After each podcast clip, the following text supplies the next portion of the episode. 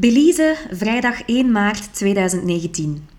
Opgestaan om 6 uur deze morgen om mee een tour te doen naar de ATM Caves. Aktun Tunish Muknal. Het zijn de grotten die de Mayas vroeger gebruikten om rituelen te doen voor de goden van de onderwereld. Bijvoorbeeld om elite kinderen te offeren voor water. Het is eigenlijk een, nee, het is een gigantisch grottencomplex en eigenlijk is het vooral de het avontuur dat me aantrok, meer dan de Maya-archeologie. Natuurlijk ging ik ook omdat het overal als een must-do-activiteit aangeduid staat. Het was eerst een stuk wandelen door de jungle en twee riviertjes al zwemmend oversteken, daarna al zwemmend de grot in. Het water was ontzettend helder en gaf een kristallige weerspiegeling. Het was veel klimmen, dalen, zwemmen, maar ook in kleine claustrofobische spleetjes wagen. Dat was mijn uitdaging dan maar, want ik voel me niet op mijn gemak in kleine holtes. Helemaal bovenaan, op het einde van het lange grottencomplex, twee uur heen, één uur terug, lagen er zeer goed bewaarde restanten van offeringen uit het Maya-tijdperk. Potten, werktuig en skeletten. We kregen nog een lokale lunch, rijst, bonen, kip, coleslaw aangeboden en rum punch.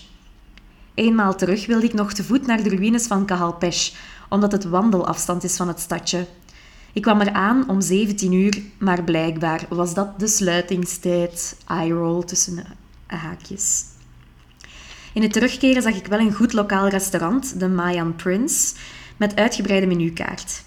Hier zou ik die avond terugkomen met mijn kamergenoot Anna van Canada, twee hilarische Canadese vrienden Reed en Sam, de Britse Alex, die niet kan lachen, maar geboren is met een serieus gezicht, en de Chinese Boyu, levend in de USA en tevens de enige Aziat die er massa's ouder uitziet dan dat hij echt is. Ik heb een trio van vis met pasta gegeten.